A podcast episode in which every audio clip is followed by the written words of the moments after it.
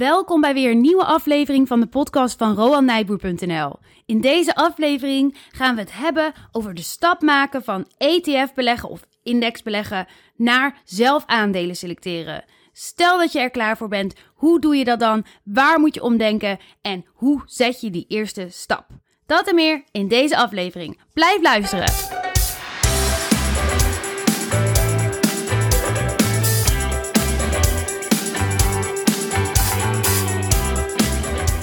Ja, welkom. Mijn naam is Barbara. En ik ben Rowan. Ja, en Rohan, deze Ja. keer gaat het dus over die stap van index beleggen naar zelf aandelen selecteren.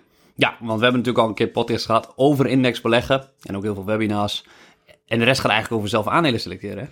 Ja, dus misschien, ja, ik kan me voorstellen dat het soms heel ver kan lijken, die stap. En dat het een moeilijke stap kan, kan voelen als, als een uitdaging om te gaan van index beleggen, wat in principe altijd dezelfde aankoop doen is, Ja, naar losse aandelen selecteren. En Ja, waar begin je dat dan? Hoe doe je dat dan?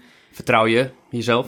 Oh, dat is eigenlijk al wel een hele mooie eerste binnenkomer. Ja, Maar ik wil er zo graag met je op in. Maar ik wil eerst even van je weten: heb jij ooit die stap gemaakt? ik heb ooit wel... Ik ben begonnen met zelf aandelen selecteren. Toen heb ik een tijdje wat indexfondsen gekocht. Maar dat is alweer, eh, denk ik, tien jaar geleden. En nu doe ik alleen maar zelf aandelen selecteren. Want ik ben zo arrogant dat ik denk dat ik de markt kan verslaan. Ja, kan je die markt dan verslaan? Ja, de afgelopen negen jaar gaat dat prima. Een rendement van 15,6% gemiddeld per jaar. En daarmee versla je de indexen wel. En we zeggen wel eens de indexen doen gemiddeld op de lange termijn 7% per jaar. Nou is die 15,6% in die zin is het een stuk meer dan 7%. Maar dan moet ik wel bij vertellen, de indexen zijn in die periode ook een stuk harder gestegen. Misschien wel 10% gemiddeld per jaar. Oké, dus over die periode heb je de index wel verslagen met ongeveer 5%. Ja, Maar ik proef een beetje tussendoor dat je misschien niet altijd de index hebt verslagen. Nee, zeker niet. Zeker niet. Eh, 2018, net achter op de index. En elke paar jaar is er wel een jaar dat je achterloopt op de index. Want de index is ook een machine, hè? die gaat ook maar door. Er zijn zoveel aandelen en dat maakt ook wel duidelijk dat het zo moeilijk is. En ook een, een Warren Buffett, alle toppenleggers, die hebben soms wel perioden van drie jaar achter elkaar... dat ze de index niet verslaan. Oké, dus als je zegt de markt verslaan, dan hebben we het dus over een langere periode. Bijvoorbeeld een periode van 10 jaar. Waarin je gaat kijken, hoe heb ik het gemiddeld gedaan? Ja, Heb ik het in die 10 jaar gemiddeld beter gedaan dan de index? En als het antwoord daarop nee is, heb ik geleerd, dan kun je beter gaan index beleggen. ja, dat is wel beter vanuit financieel oogpunt. Tenzij je het natuurlijk superleuk vindt. Ja, Ik denk als ik de komende negen jaar niet de index versla... dat ik nog steeds zelf aandelen ga selecteren. gewoon omdat je het zo mooi vindt. Ja, ja, ja, ja. Precies. Ja. Oké, jij zei net al, vertrouwen is een hele belangrijke stap. Ik vind het interessant dat je dat als eerste eigenlijk noemt. En ik ben benieuwd wat je achterliggende gedachte daarbij is. Ja, nou want bij indexbeleggen koop je bijvoorbeeld een mandje met duizend verschillende aandelen. Daar hoef je die keuze niet te maken. Daar vertrouw je gewoon op aandelen in het algemeen. Zoals de meeste luisteraars inmiddels wel weten. Alleen bij zelf aandelen selecteren moet je van die duizend aandelen, ga je er een paar uitkiezen. Dus je moet keuzes maken. En dat leidt waarschijnlijk tot keuzestress, misschien wel angst of je de juiste keuzes maakt. En zeker helemaal als je wat keuzes hebt gemaakt en die aandelen dalen wat, begint de twijfel toe te slaan. Heb ik wel de juiste keuzes gemaakt? Dit klinkt ook als iets waarvan ik denk, daar, kom je, daar ga je, kan je toch niet omheen? Want ik bedoel, in het begin dat je dit gaat doen, zelf aandelen selecteren, dan ben je een beginner. Dan weet je gewoon niet waar je het over hebt. En je zult dus ook in zekere zin voelen dat je niet weet waar je het over hebt. Dus misschien doe je heel goed onderzoek, maar dan nog, ja, niemand geeft op een blaadje, dit, dit aandeel is over een jaar zoveel waard. Exact, exact. En je kan nog zo'n goede belegger zijn dat je je 10.000 uur een studie hebt gemaakt en je hebt een mooie portefeuille opgebouwd en dan sta je na een jaar later ruim lager ten opzichte van de index. En dan denk je misschien, ik bak er niks van en dan stop je mee. Maar dan, ja, dan moet je dus doorzetten, want dan, eh, ja, je kan eigenlijk pas klasse en kunde meten vanaf een periode van vijf jaar en tien jaar is nog veel beter. Oh, dus, dus gewoon doorgaan. Al mijn geld vliegt weg, maar gewoon doorgaan. Nou, wel goed nadenken over, over waarom dat is en wat, wat je eventueel kan verbeteren. Ja, als ik het zo hoor, zou ik zeggen: accepteer als je dit graag wilt en het lijkt je leuk, dat de eerste paar jaar een leerschool is. Ja, je gaat ongetwijfeld fouten maken. Bij mij ook, drie op de tien aandelen gaan niet zoals ik verwacht. Dat wil niet per se zeggen dat ze verliesgevend eindigen, maar dat gewoon niet het rendement geeft wat je verwacht. Ja, maar dat is nu. En jij kan dat al relativeren. Maar ik bedoel, als je net begint en je doet je Oh, eerste ja. aankoop en dat ding dat vliegt omlaag. Nou, ik zou, ja, ik zou echt wel voelen. Ik zou Ik- ja. eh, denken, oh mijn god, wat gebeurt er? Ja, ik, eh, ik begon dus net voor de financiële crisis met beleggen. Dus kocht, ik, timing. kocht ik een paar aandelen. Ahold, Alberts Industries, SNS Reaal en een, een mandje met obligaties. Nou, ik dacht, wat gebeurt hier? Mijn, mijn zuurverdiende geld die verdwijnt als, dat verdwijnt als sneeuw voor de zon. Jij dacht, aandelen zijn het helemaal. En in Ja. plaats daarvan gingen ze echt zo eh, diepe de rood in. Ja. ja, dus dat kan ook gewoon gebeuren. Als je de goede aandelen selecteert, dat er gewoon een crisis komt, zoals corona. En dan ga je ook nat op de korte termijn. Ja, maar deze podcast was inspirerend bedoeld. En Oh niet ja. om mensen heel erg eh, bang te maken. Nee, maar ik denk, als je op je bek gaat, en dat gaat gebeuren met zelf aandelen selecteren, dan moet je jezelf feliciteren. Want, want dan heb je weer wat geleerd. Oké, en ik denk dan ook dat dat het allerbelangrijkste is. Dat ongeacht de uitkomst, dat je continu met die reflectie bezig bent. Zo van, niet alleen op je aandelen en je aandelenkeuzes, maar ook op jezelf. Zo van, wij hebben het er wel onderling eens over van, beleggen is voor de helft de theorie leren en, en, en hè, die keuzes leren maken. En de andere helft is gewoon je eigen mindset en de psychologie en hoe je met de keuzes omgaat en met jezelf omgaat. Exact, dat is het allerbelangrijkste, hoe je daarmee omgaat. En ik zeg ook wel eens tijdens mijn training, bij elke beleg- belegging word je of rijker of wijzer. Nooit allebei. Want degene die goed gaan, daar is veel moeilijker van te leren. Ja, dus het is belangrijk om niet alleen te kijken naar welke keuze heb ik gemaakt, wat ging er goed en wat ging er fout in het aandeel dat ik heb gekocht, maar ook hoe ga ik hiermee om? Dus als je stress gaat voelen van dat aandeel en die onweerstaanbare drang om toch maar te verkopen, om dan bij jezelf te checken, ja, is dit een angst? Is dit een, eh, een, ja, een, een gedachte vanuit emotie? Of is er echt rationeel iets aan de hand wat maakt dat dit aandeel verkocht zou moeten worden? Maar dat onderscheid, dat Ja. lijkt me zo moeilijk. Dat is zo pittig en dat maakt beleggen ook zo'n psychologisch spel, wat, wat van mijn oogpunt het veruit het belangrijkste is. De psychologie, je eigen mind, hoe die werkt en die observeren, want we zijn niet rationeel. We zijn gewoon allemaal zo irrationeel als de pest. En eh, ik weet niet of de pest per se irrationeel is, maar dat denk ik wel. Maar dan, maar dan mijn vraag. Want hoe doe je dat dan? Wat? Nou, hoe ga je dan om met die emoties in het begin? Kun jij je dat überhaupt nog herinneren? Dat je die eerste aandelen had gekocht en, en ja, hoe je daarmee om bent gegaan, dat er van alles gebeurt bij jezelf ook? Nou, ik weet nog in die financiële crisis die dus recht over me heen kwam, werd ik verlamd door angst. Ik werd verstijfd van angst en ik wist niet goed wat ik moet doen. En ik stond in de, fors in de min. Zeker bij hoe een- uitte zich dit dan? Kun je dat even schetsen hoe, je, hoe dat ging? Nou, dat je bijvoorbeeld niet meer durft in te loggen bij je broker. Ja, had je dat echt? Je wilt liever niet meer kijken. Ja, ja, ja, zeker, zeker. Dat is niet leuk, want je weet, oh, je ziet op het nieuws al, beurzen kelderen. Oh shit, mijn portefeuille gaat dan ook wel mee. En dan vind ik het minder leuk om in te, lo- eh, in te loggen, want dan zie je dus die verliezen. Dan word je ermee geconfronteerd en dat doet pijn. Ja, dit hoorden we ook wel nu met de corona. Toen ze, het was maar een hele tijdelijke dip, heel anders dan de financiële crisis. Ja. Maar eh, toen hoorden we ook wel van mensen van, nou kijk maar niet meer, kijk maar niet meer. Ja, ja, ja. En dan zegt iedereen, ja, ik beleg voor de lange termijn, het komt, het komt wel goed. En dat, dat is natuurlijk ook goed. Eh, de kunst is natuurlijk wel om erover na te denken en in die crisis ook daadwerkelijk bijvoorbeeld notities te maken van hoe je je voelt op bepaalde dagen. En dat dan later, als je je bijvoorbeeld helemaal anders voelt in een hele opgaande markt, dan voel je je vaak heel goed, euforisch, dan denk je dat je een hele goede belegger bent. En om dan die verschillende gedachten op te schrijven en eh, daarop te reflecteren. Oké, dat ik vind dat een hele mooie. Heb je dat zelf regelmatig gedaan? Ja, ja. En welke conclusies trek jij dan? Wat kun je dan zien?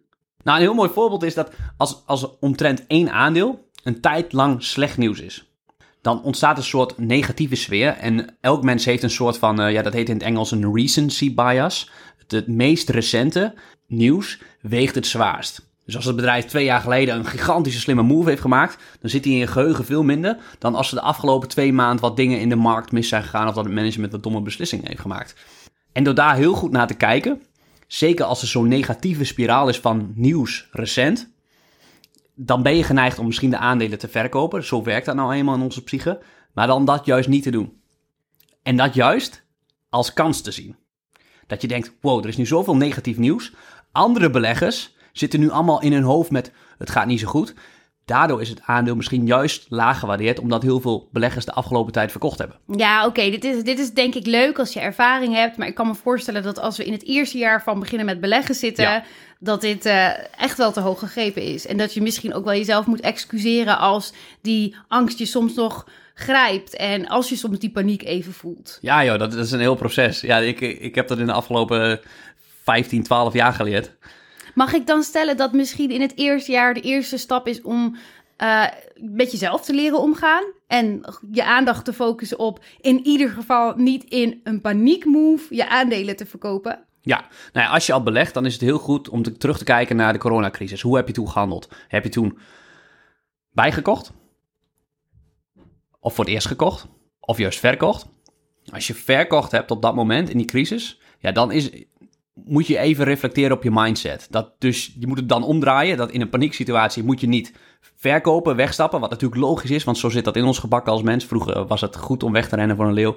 Nu is het op de beurs werkt dat niet om weg te rennen voor je angst.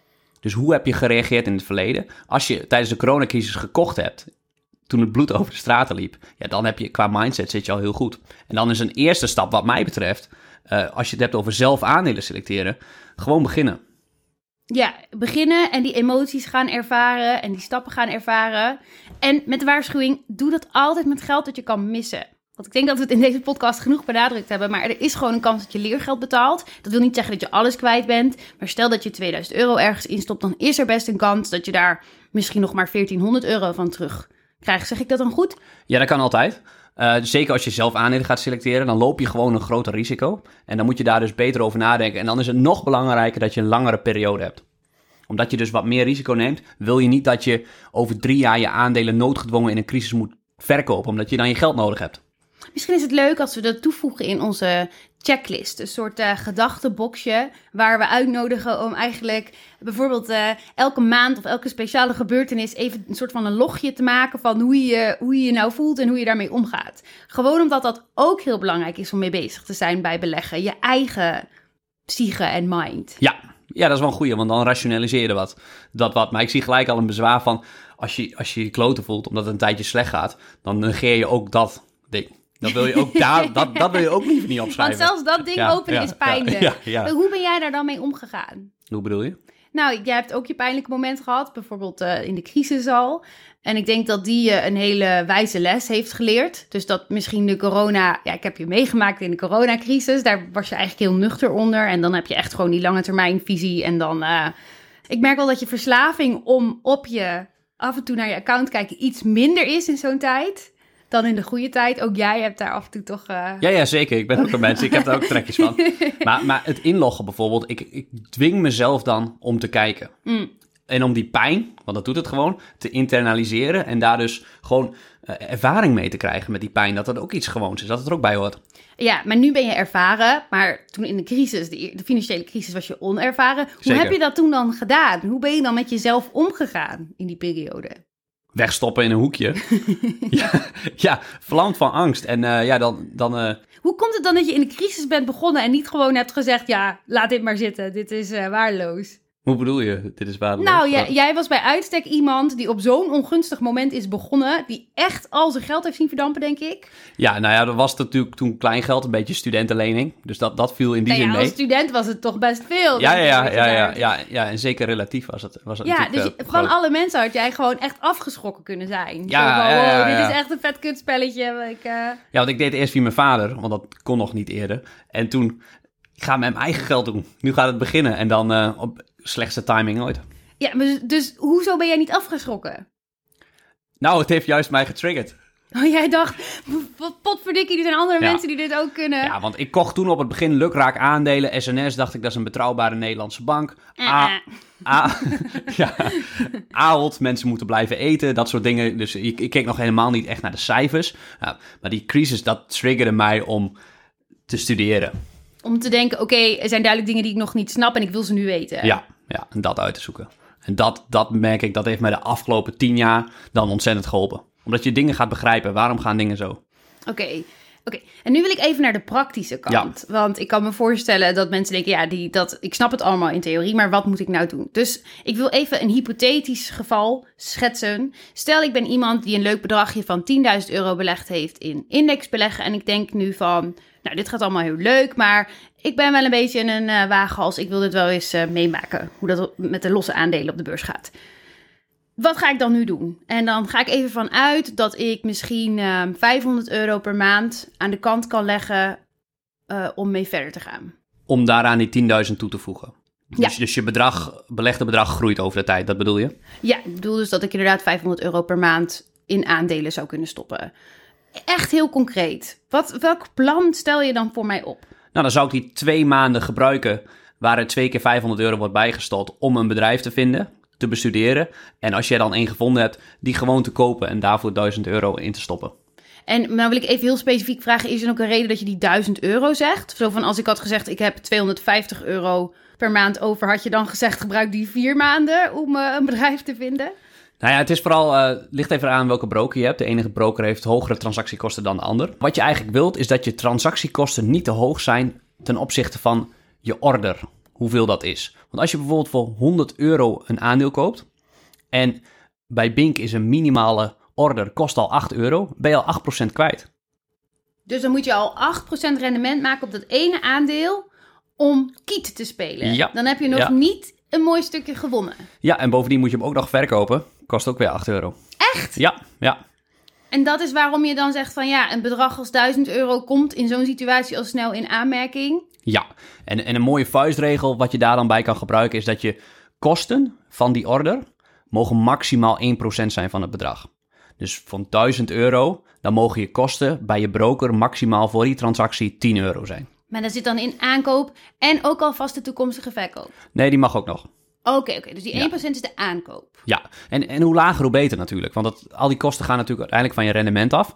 Ik heb, we hebben het nu net over Bink. Maar als je bij de Giro, daar kun je sommige Amerikaanse aandelen voor 50 cent kopen. En bij Bucks kun je soms gratis kopen. Nou zijn er wel allerlei andere verborgen kosten. Maar dan kun je dat bedrag van 1000 euro dus veel lager maken. Want als het maar 50 cent is, ja, dan kun je voor uh, eh, 50 euro kun je al beginnen. Ja, want dan is dat die 1%. Ja. Oké, duidelijk. En zou je dan niet aanraden om te zeggen: verklein die 10.000 in indexbeleggingen iets en uh, steek daar 1000 euro van in een los aandeel? Ja, dat zou kunnen, maar jij deed de aanname dat er geld bij komt in de toekomst. Dan zou ik dat geld gebruiken om je portefeuille in zelf aandelen selecteren op te bouwen. In het scenario dat die 10.000 je bedrag is en je gaat daarmee beleggen en er komt niks bij, dan zou ik dan eerst beginnen met 1000 daarvan in een aandeel. En 9000 dus in dat indexfonds. Moet je daar dus wat van verkopen. En dan gaandeweg, over misschien een periode van 2, 3 jaar, het 50-50 gaan doen. Dus 50% index beleggen en daarnaast vijf verschillende aandelen. Raad je dat sowieso aan om die 50-50 aan te houden? Nou, het is een beetje waar mensen zich goed bij voelen. En het ligt eraan hoeveel tijd je hebt. Heb je heel weinig tijd om onderzoek te doen naar, naar losse aandelen? Ja, dan zou ik dat percentage index beleggen misschien wel op 80% zetten van je portefeuille. Heb je heel veel tijd en heb je de smaak te pakken en denk je dat je echt een goede belegger bent? Ja, dan kun je misschien wel met 20% index beleggen en 80% zelf aandelen selecteren. Dus het is ook een beetje waar je je goed bij voelt. Oké, oké, ik wil nog een scenario schetsen. Ik ben nieuw in de markt. Ik heb 5000 euro op mijn spaarrekening. Dat levert niks op, dus ik ga nu maar eens beleggen. Nee, wel spaarrekening geld dat ik over heb. Oké. Okay, ja, ja, ja, Ik heb nog een ander geheim potje. Ja, ja. Oh, ja, 5000 euro heb ik vrijgemaakt en dat wil ik dan gaan beleggen. Waar laat je al dat geld?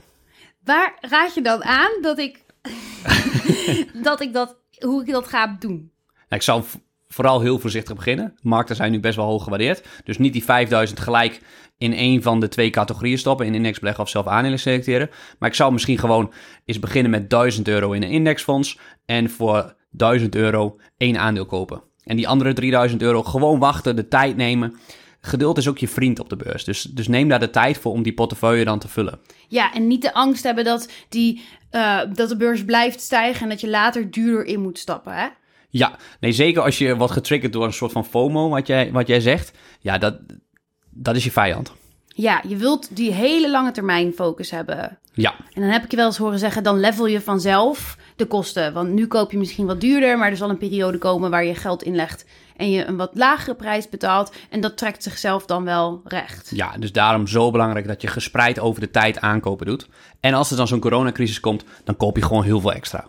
Dan heb ik nog wel een vraag, want eigenlijk zeg je altijd spreiden, spreiden, spreiden. Als ik één los aandeel heb, Gespreid erin, gespreid eruit. Dat was jouw uitspraak de vorige keer. Daar hebben we nog veel, eh, veel reacties op gehad van luisteraars.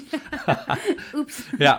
ja, maar je had het over de exit-strategie. Als je uiteindelijk met pensioen gaat en je, als je het geld nodig hebt, dat je dan ook al eerder moet beginnen met afbouwen. En niet wachten op het moment dat je echt het geld nodig hebt. Ja, dat heb ik van jou geleerd, uiteraard. Daar ging het wel over. Ja. Maar wel in datzelfde, in dezelfde categorie inderdaad. Van als je nu instapt met één los aandeel, dan heb je geen spreiding. Is dat dan niet erg? Klopt. En het is heel lastig om te beginnen met spreiding. En daarom is het ook zo belangrijk dat je ook begint met een indexfonds, want daar zit natuurlijke spreiding in. Maar natuurlijk, als je begint met eh, 2000 en je hebt 1000 in een indexfonds en 1000 in één aandeel, ben je natuurlijk extreem geconcentreerd. Want 50% van je portefeuille is afhankelijk van het succes van één aandeel. Ja, Dus op het begin is dat lastig als je een portefeuille aan het opbouwen bent om heel gespreid al te beginnen. zeg je dan niet zoek vier aandelen voor die 250 euro? Jazeker, als de transactiekosten dat toelaten, als je bij een broker zit die goedkoper is, dan moet, zou ik dat doen, ja. Nee, dat, ik vind dat een incorrect antwoord. Want je moet natuurlijk altijd zoeken naar het beste aandeel om in te investeren. En dan mag zo'n geldplaatje toch niet beslissend zijn. Nee, kosten lopen er altijd achteraan. Heel goed, heel scherp, heel leuk van je. nee, en eh, dat is altijd van subbelang aan welk aandeel je selecteert. Je kan beter één hele goede doen waar je heel veel tijd onderzoek in hebt gestopt, dan vier waar je maar een beetje onderzoek in hebt gestopt. Ja, of die gewoon niet hun waarde gaan opleveren in de toekomst. Ja, maar de kunst is dat natuurlijk van tevoren te weten. En als je dat weet, dan eh, ben je spek kopen. Maar het kan een prima strategie zijn om dan die 1000 euro te splitsen, mits de transactiekosten maar laag genoeg zijn tussen vier verschillende aandelen. Oké, voor mij is het zo eerst wel duidelijk. Ik heb geen vragen meer.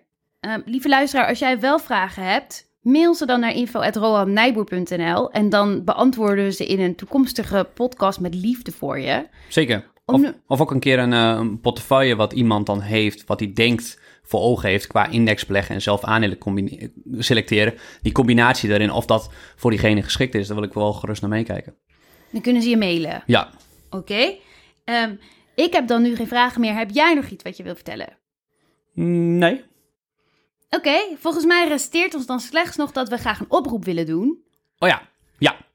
Ja, we krijgen veel vragen van eh, mensen die een podcast willen voor beleggen voor je kind. En ik heb nog geen kinderen, dus Ik heb, me- niet. ik heb me daar nog niet in verdiept. Ehm, dus we zoeken een expert op dat gebied om daarmee in gesprek te gaan over hoe je dat doet. Het, liefst onafhankelijk en anders iemand van een eh, Niet onafhankelijk. niet onafhankelijke. ja, ja, ja.